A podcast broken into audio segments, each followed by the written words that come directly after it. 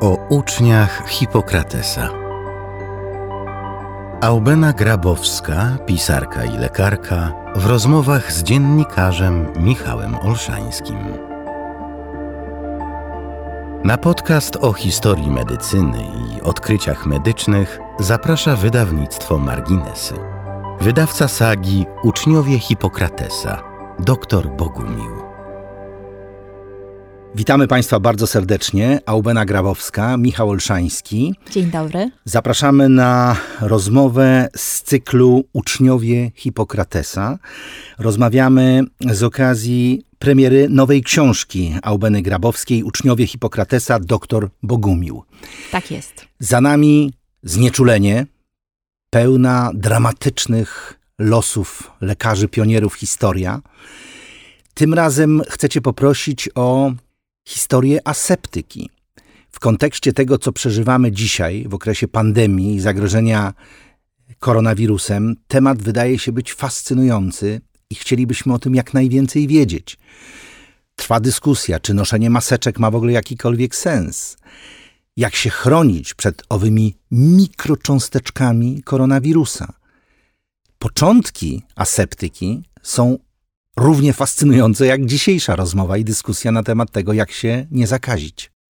Ta historia aseptyki jest e, nie mniej fascynująca niż historia e, znieczulenia. I ja teraz patrząc na, na to, co się dzieje teraz w e, kontekście koronawirusa, lockdownu, który praktycznie zatrzymał cały świat, widzę analogię do tych początków, kiedy ludzie wiedzieli, że jest coś w powietrzu, co powoduje że powstają choroby, powstają zarazy. Umiano obserwować, jak te zarazy się przemieszczają, bo one co jakiś czas nawiedzały świat w różnych jego e, punktach. Powszechna opinia była taka, że to kara boska. Tak, że to kara boska. I że trzeba się modlić i że nic innego nie możemy zrobić. I że nic innego absolutnie nie możemy zrobić. I aż do odkrycia Pastera nie wiadomo było, co te choroby powoduje. One były inne. To była cholera, dżuma, trąd, czarna ospa. czarna ospa, która dziesiątkowała e, ludzi. Mówiło się, że to tak ma być, bo to właśnie y, jest kara boska, bo ludzie są niedobrzy albo wywołują y, y, wojnę. Na przykład ostatnia zaraza przed COVID-em, czyli Hiszpanka, miała być karą za pierwszą wojnę światową, bo pierwsze przypadki zaczęły się w 1918 roku.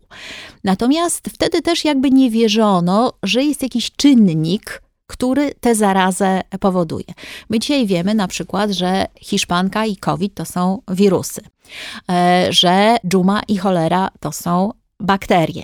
Inaczej je leczymy, inaczej do tego podchodzimy. No mamy antybiotyki. Mamy antybiotyki przede wszystkim. Niestety na wirusy wciąż nie mamy skutecznych yy, leków. Na niektóre choroby mamy yy, szczepionki. Ale wtedy też nie wierzono, że ten czynnik sprawczy uda się e, znaleźć. Uknuto taką teorię, ona później była dosyć wyśmiana, ale ja o niej wspominam w doktorze Bogumile, bo wydaje mi się bardzo dobra i bardzo ciekawa, mianowicie, że są miazmaty, czyli jakieś cząstki, które te choroby powodują. Uważano, że one są tylko w powietrzu. Później ktoś przebąknął, że być może też są w wodzie. Stąd na przykład jak była cholera, to odcinano studnie, z których brano e, wodę w poszczególnych na przykład wioskach. W ten sposób radzono sobie z e, chorobą. I to robimy też dokładnie dzisiaj. Izolujemy się nie e, szukamy tej drogi zakażenia. Wiemy, że wirus nie przenosi się przez wodę, tylko ze śliną. W związku z czym Stąd maseczki, żeby chronić kogoś, kto, kto jest z nami w studio, w sklepie, w pracy, przed naszą śliną. No tak, bo e... mówiąc najprościej, maseczka ma zatrzymać tak. strumień mikrocząsteczek, który przy oddychaniu czy przy pokasływaniu wyrzucamy z siebie.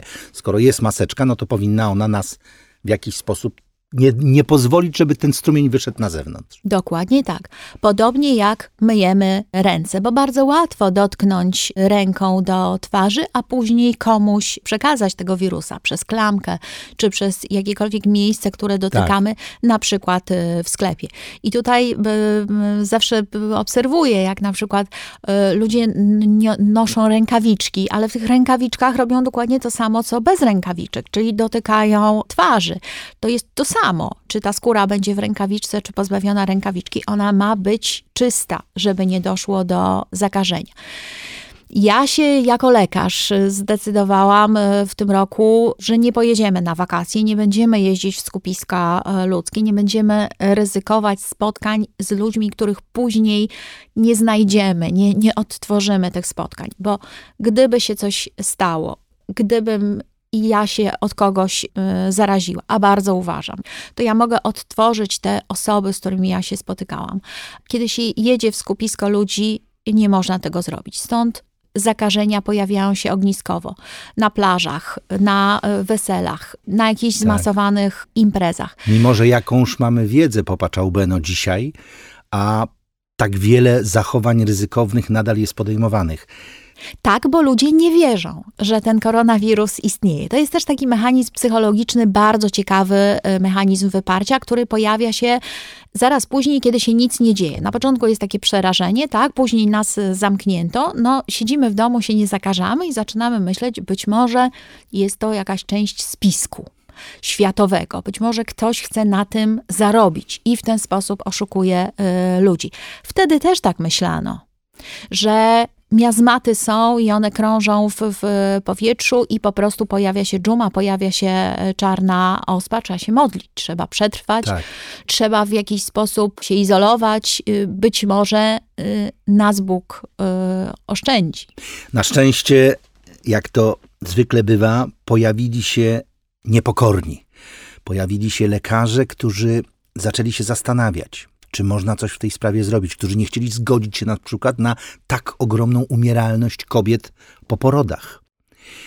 I znowu wracamy do owych lat 1840-50, bo tam się działy rzeczy niezwykłe.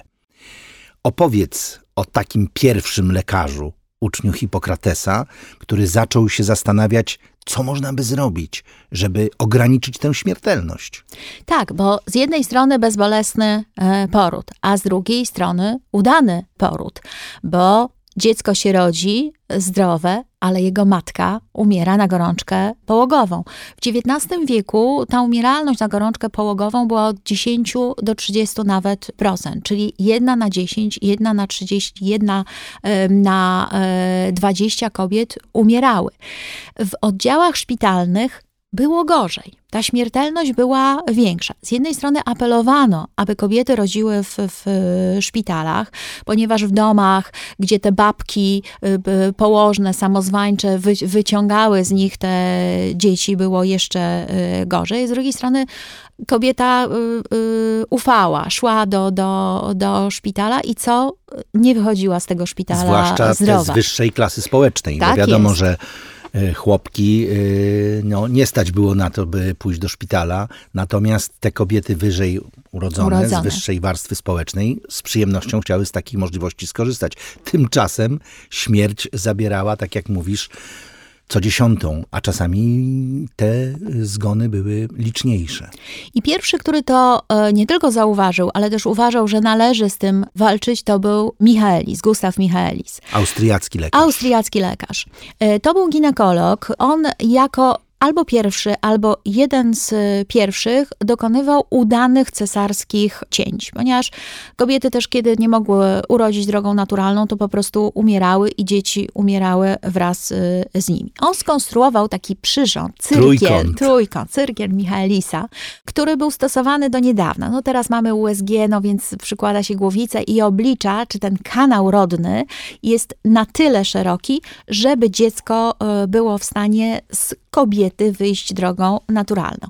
Ale on skonstruował taki przyrząd, który się przykładało do czterech punktów w miednicy y, kobiety, który określał, czy dziecko może urodzić się drogą naturalną. On był do niedawna stosowany, cały czas jest na, na oddziałach y, ginekologii. I on też dokonywał pierwszych cesarskich cięć z duszą na ramieniu, ponieważ y, jego mentorzy, jego nauczyciele też dokonywali takich operacji, ale bardzo często kobiety nie przeżywały. Mianowicie dlatego, że pokutowało na przykład przeświadczenie, że kiedy rozcina się macicę, żeby wyjąć dziecko, później nie trzeba jej e, Zaszywać. zaszywać, ponieważ ona sama się zasklepi. Więc zaszywano tylko powłoki brzuszne. W związku z tym ta macica praktycznie przyklejała się do, do powłok e, brzusznych. Były ogromne powikłania, ogromne wzrosty. To było bardzo e, bolesne. Bardzo często już taka kobieta nie była w stanie urodzić. Michaelis pomyślał, że on zrobi odwrotnie. Mianowicie zaszyje macicę, a nie zaszyje do końca powłok e, brzusznych, tylko zostawi dreny, takie sączki, żeby ta surowica, czy też gdyby się pojawiła ropa, mogło to spokojnie wypłynąć, mogło to się oczyścić. I wtedy zaczął też myśleć, co zrobić, żeby te kobiety nie umierały na gorączkę e, połogową, bo rodziło się zdrowe e, dziecko, z kobietą było wszystko w porządku Po i nagle 3-4 zaczynała dni gorączkować i Wysoka umierała. gorączka i reakcja organizmu jednoznaczna. Tak, i śmierć. I co robił Michaelis? Każdą z tych kobiet, która umierała, on poddawał sekcji. Bardzo wnikliwie badał, żeby zrozumieć, co się kryje za tą e, śmiercią. Kiedy już taką kobietę poddawał e, sekcji, to szedł badać żywe, żeby zapobiec tej śmierci. Dochodziło do e, takich sytuacji, których on nie rozumiał, że na jego oddziale ta śmiertelność z powodu gorączki y, połogowej przekraczała 30-40%, gdzie on się przecież tak bardzo starał zrozumieć. Na innych oddziałach, gdzie tych kobiet tak nie badano, nie dbano o nie tak, jak dbał o nie Michaelis, ta śmiertelność była mniejsza. No i nic E, dziwnego, że ten lekarz, który miał tę swoją wielką ideę, coraz bardziej czuł, że coś tutaj nie gra. że coś tutaj nie gra, I że być dostał może ważny on list. coś źle robi. I zupełnie przypadkiem po śmierci jego ukochanej kuzynki yy, Teoni, która urodziła szybko, łatwo, zdrowo i on tak bardzo się cieszył, zbadał ją, zobaczył, że jest wszystko w, w porządku i ona zmarła później na gorączkę e, połogową. On to ogromnie e, Przeżył. przeżył. I dostał list od swojego ucznia, który mu donosił, że niejaki Semmelweis dokonał takiego bardzo ważnego e, odkrycia, że mianowicie gorączka połogowa dostaje się do kobiet żywych, do ciał kobiet żywych z ciał kobiet martwych.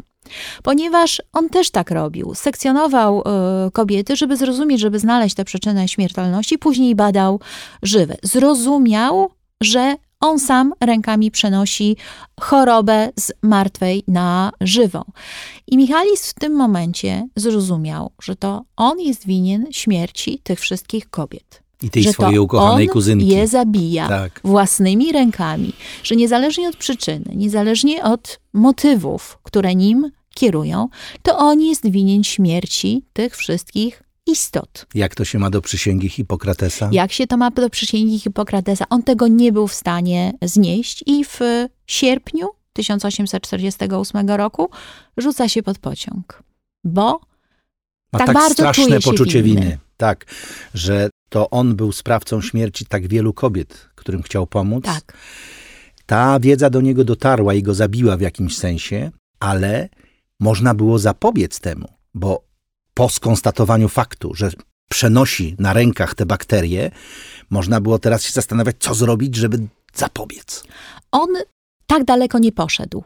On po prostu popadł w ciężką depresję i się zabił. Natomiast Semmelweis, on tę wiedzę przekuł na zrozumienie i na działanie. Kiedy zrozumiał, dlaczego to się dzieje, że to on sam przenosi mm, zarazki, te materiały zakaźne z kobiet martwych na e, żywe, a zrozumiał to w bardzo ciekawy sposób. Mianowicie jego e, kolega, doktor Koleczka, został podczas e, sekcji skaleczony przez asystenta e, swojego i kilka dni później dostał gorączki i zmarł. Tak. Przy sekcji doktora A tego Koleczki. typu gorączka wydawała się być zarezerwowana Tak. dla kobiet y, po Przy urodzeniu. sekcji doktora Koleczki dokładnie jakby e, Semmelweis powiedział, że jakby miał powiedzieć, na co zmarł e, koleczka, to by powiedział, że koleczka zmarł na gorączkę połogową, bo miał takie same zmiany, takie same objawy, oczywiście z wyjątkiem upławów z dróg e, Rodnych. rodnych.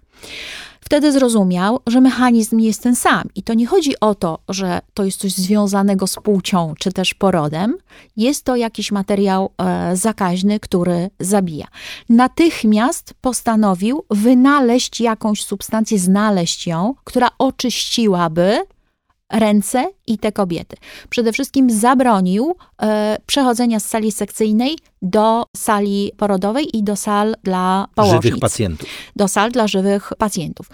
I znalazł taką substancję, mianowicie kwas karbolowy. To też przypadkiem się stało, bo on obserwował opryski na roślinach, żeby zaraza ich nie, nie, nie zjadła i, i zapytał się, co to jest za substancja. Dowiedział się, że kwas karbolowy i zapytał, czy krowy, które jedzą y, te rośliny, to nie chorują. Dowiedział się, że nie, absolutnie nie, ale, ale nie ma zarazy na nich. Pomyślał, że to jest dobra bardzo wróżba. Kazał wszystkim swoim asystentom, m, lekarzom te ręce myć. Jaka była reakcja środowiska? Bardzo zła. No tak, znowu. Absolutnie zła. Fanaberie, wydziwianie. E, Jak to się e, myć? Przecież dobry lekarz to jest ten brudny lekarz, bo on przychodzi do pacjenta w brudnym fartuchu, bo wiadomo, że on jest ceniony w ten sposób, że go chcą, że przychodzi od pacjenta do pacjenta. Ma co robić. Ma co robić. W czystym fartuchu, no to cóż to jest takiego? To byśmy powiedzieli dzisiaj, że to jest piłkarz, który się no, w, w deszczu, w błocie nie ubrudził, tylko jest w białym ubraniu. Niepodobna zupełnie. Lekarze tamtejsi, chirurdzy stawali do operacji w brudnych fartuchach. Wielki Robert Liston, już y, y, przywołany, wyciągał noże chirurgiczne z rękawa, żeby były jeszcze ciepłe. Nawet ich nie przepłukiwał. A co dopiero e, do biednej położnicy, żeby się myć, żeby zamawiać specjalnie kwas karbolowy. Semmelweis się uparł. Na granicy obłędu był, Najbliższe środowisko machnęło ręką, asystenci go opuścili. Zostali przy nim najbardziej tacy wierni. No tak, bo tam dochodziło jeszcze do poparzeń tym kwasem. Absolutnie. Pamiętajmy, on, że y, dawka była szukał- istotna. Tak, on bo on szukał stężenia i tam właściwego. nieraz były poparzenia. Tak. I poza tym ten kwas karbolowy bardzo źle wpływał na, y, na skórę rąk. On próbował też oblewać kobiety tym kwasem karbolowym, ale też kiedy się naleje te substancje na żywą ranę po porodzie czy po operacji, ona jest w stanie wypalić y, tkanki, spowodować martwicę. W związku z tym to też nie było przyjęte y, Tak. y, dobrze. No, dużo bardziej rozsądne było obmywanie zwłok zmarłych kobiet tym Tak. kwasem karbolowym, bo to zabijało te bakterie. Tak, dokładnie tak, a później chodzenie do żywych. Ale znowu stało się coś, co zahamowało tę wiedzę. Mianowicie on uważał, że zaraza przenosi się z martwych na, Na e, żywe. żywe. Ale kiedyś położył w, w zdrowej sali kobietę z gorączką e, połogową i ona zaraziła wszystkie żywe. Środowisko powiedziało, widzisz pan, nie masz kompletnie racji. Porzuć pan swoje szarlatanerskie pomysły. Nic tu po panu i nic tu w ogóle po, po pana całej wiedzy. Mówimy nie kwasowi. Tak, ale on się nie poddał. Mówił, nie tylko martwa zakaża żywą. Żywa chora zakaża żywą e, zdrową. Zdrową. Trzeba myć ręce po każdej kobiecie i nigdy nie kłaść chorej ze zdrowymi. To też był początek, że chorych należy Izolować. izolować. To, co mówimy y, dzisiaj, wydawałoby się to oczywiste. Jesteś chory, nie idź do zdrowych, bo ich zarazisz. Oczywiście mamy różne pomysły typu ospa party, nie popieram, ale tak się powinno postępować. Chory powinien być izolowany. Dopóki nie wyzdrowieje, wtedy nie będzie narażał innych, bo to jest wielka nieodpowiedzialność. Semmelweis dobrze skończył? Semmelweis też bardzo źle skończył. I to muszę powiedzieć, że skończył. em, trudno się licytować na tragiczniejszy koniec. Natomiast jego koniec był groteskowy w stosunku do tego, w co on e, wierzył. On odrzucony przez środowisko e, medyczne, uznany za szarlatana, za, za, za wariata z tym swoim kwasem karbolowym, został zamknięty w szpitalu psychiatrycznym. I ponieważ y, często był agresywny, pobudzony, prawdopodobnie miał y, halucynacje, czy doznawał innych omamów słuchowych, wzrokowych, to y, leczono go, no tak jak wtedy potrafiono, czyli upustem y, Krwi. krwi. Bezskutecznie błagał, żeby umyć y, nóż, którym zamierzano go poddać temu za- zabiegowi. Oczywiście nikt go nie słuchał. Nacięto mu skórę brudnym nożem i Semmelweis zmarł na zakażenie. Bakterie. Tak. Smutne to są te Jaka to historie, ironia, prawda? Ironia losu. Przejdźmy na nasz teren polski, bo to znowu bardzo ciekawe, bo mówimy tutaj o tych e, Austriakach głównie, prawda? Tam się bardzo wiele działo. Myśmy byli wtedy pod austriackim zaborem. Czy te nowinki docierały do Polski? One docierały. y, Bardzo była też popularna historia miazmatów, y, mianowicie głównie w zaborze austriackim. Ja to też e, piszę w doktorze Bogumile. Bogumile. Mianowicie byli lekarze pierwsi zakaźnicy, którzy starali się śledzić te y, zarazy, to nic nie dawało, ponieważ y, nie bardzo y, znano tę cząstkę, która miałaby to powodować, a poza tym, tak jak mówiłam, raz to były bakterie, raz to były wirusy, a tu próbowano ujednolicić tę całą sprawę, ale zasady aseptyki nie były przyjmowane chętnie. Polski szpital XIX wieku, czy to pod zaborem rosyjskim, czy, czy austriackim, czy Pruskim. pruskim, to, był, to było miejsce bardzo y, brudne, gdzie nie znano czyszczenia, y, sprzątania, gdzie studenci przychodzili w, w jednym fartuchu, kładli go przez, na siebie przez cały y, semestr i, i niejednokrotnie z kieszeni im wystawały różne cząstki z zmarłych ludzi, bo obserwowali sekcje, bo, bo sami musieli uczestniczyć. Mówiło się, że, mm, że student medycyny, jeżeli na przykład umrze z jakichś przyczyn typu przejechany przez dorożkę, to to absolutnie bardzo dziwna sprawa, bo śmiercią studenta medycyny jest y, skaleczenie się przy sekcji, zakażenie i śmierć. Ale nie było takiego procesu myślowego, przyczynowo-skutkowego, że może by y, się myć po wyjściu z y, prosektorium, że może by badać, tak jak głosił Robert Graves, czystymi rękami. I podłogi były zasłane krwią, ropą, brudem, y, kurzem. Chorzy byli kładzeni jak leci. Ci z chorobami zakaźnymi po operacji, przed operacją. y, Dopiero później te szpitale zaczęły się bardziej profilować. Zaczęto myśleć o izolacji chorych ym, y, zakaźnych, zaczęto tworzyć sale pooperacyjne. Czasami w niektórych szpitalach właściwie sala sekcyjna była też salą operacyjną. Czy się kładło na stole operacyjnym trupa, czy żywego człowieka, to było właściwie wszystko jedno i, i niejednokrotnie dokonywano operacji tymi samymi narzędziami. Te nowinki dochodziły bardzo, bardzo e, późno i polscy lekarze byli zupełnie nieprzygotowani y, na to, nieprzygotowani na e, zmiany i niechętni tym zmianom. Zresztą, y, co tu mówić źle o Polakach, w krajach, gdzie te wielkie wynalazki były tworzone i, i o nich się mówiło. Przecież Lancet, wielkie y, pismo, wyśmiewający teorię Semmelweisa o, o kwasie y, karbolowym. Nazwano go niebezpiecznym szarlatanem. Później to samo spotkało Józefa Listera, już nieco później, w 1865 roku. To jest ten od listeryny, y, który mówił o kwasie karbolowym, że to jest absolutna konieczność, że chirurg musi myć ręce kwasem y, karbolowym, że trzeba odkażać narzędzia chirurgiczne, myć salę operacyjną kwasem e, karbolowym. Spotykało się to z absolutną niechęcią. Niechęcią. I jemu pomagała żona. Ja tak też troszkę wybierałam te wielkie postaci, pisząc o ich żonach, o towarzyszkach życia, bo zawsze uważam, że kobieta wspierająca swojego mężczyznę w, w, w jego pracy, w jego wiedzy, w jego dążeniu do wielkości jest, y, jest kimś niezwykle cennym. I tutaj właśnie Lister też miał taki głęboki związek y, ze swoją żoną, która była córką wielkiego chirurga i pomagała mu w tej codziennej y, pracy. On bardzo popadł w depresję, miał udar, kiedy ona zmarła. I podźwignęła go taka, taka niezwykła historia, kiedy, bo on był wciąż nadwornym lekarzem królowej y, Wiktorii.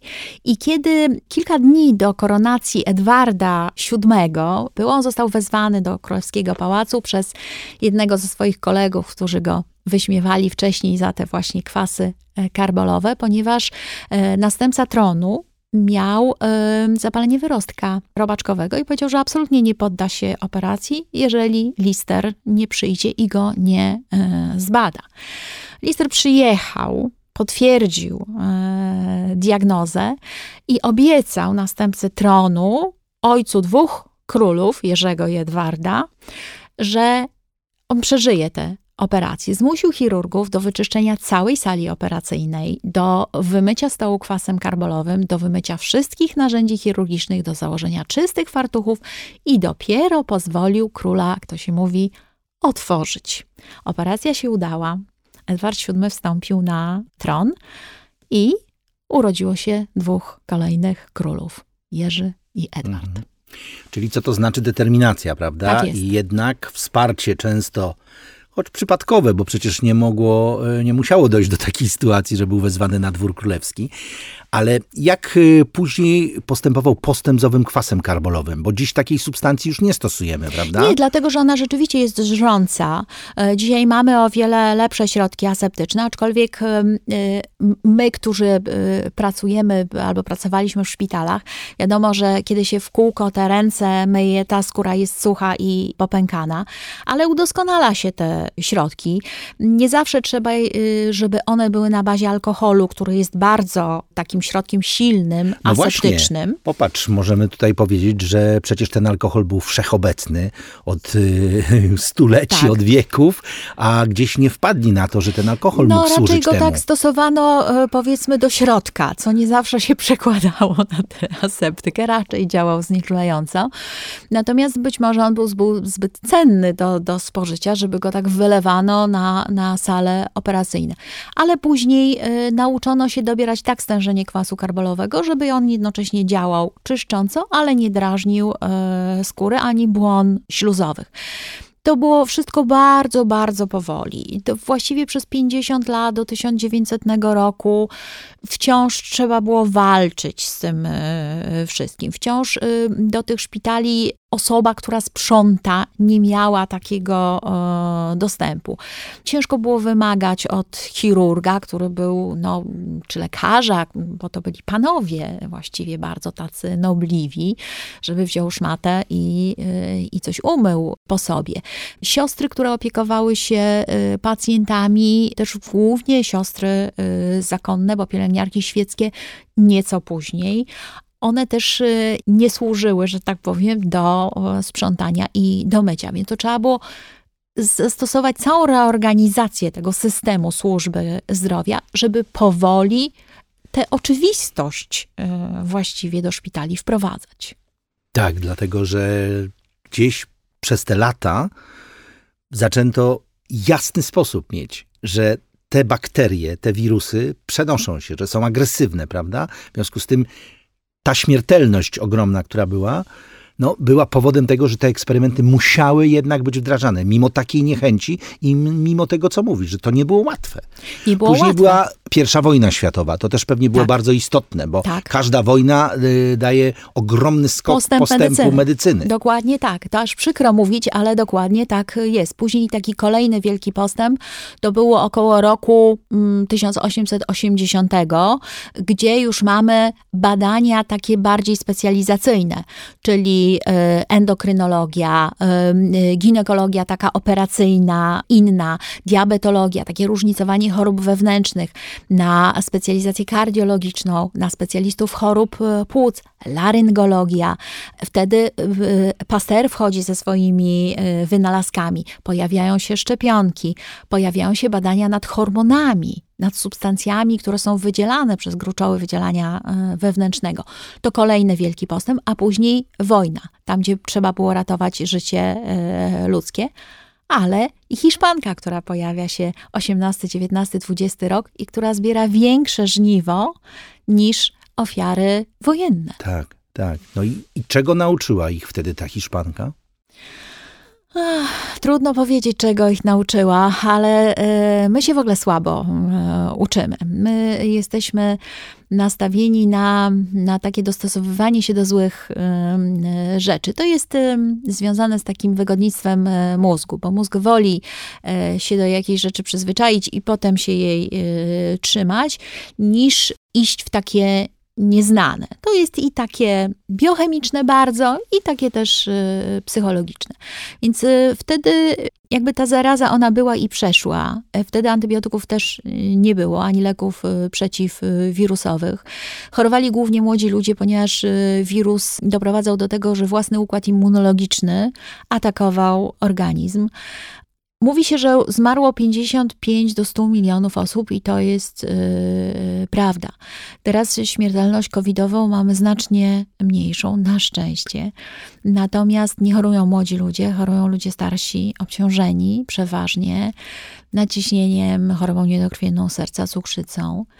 Niestety jest to wirus mutujący, więc bardzo trudno będzie o skuteczną szczepionkę. Prawdopodobnie ona będzie podobna do tej szczepionki przeciwgrypowej, czyli albo zapobiegnie chorobie, albo ją e, złagodzi.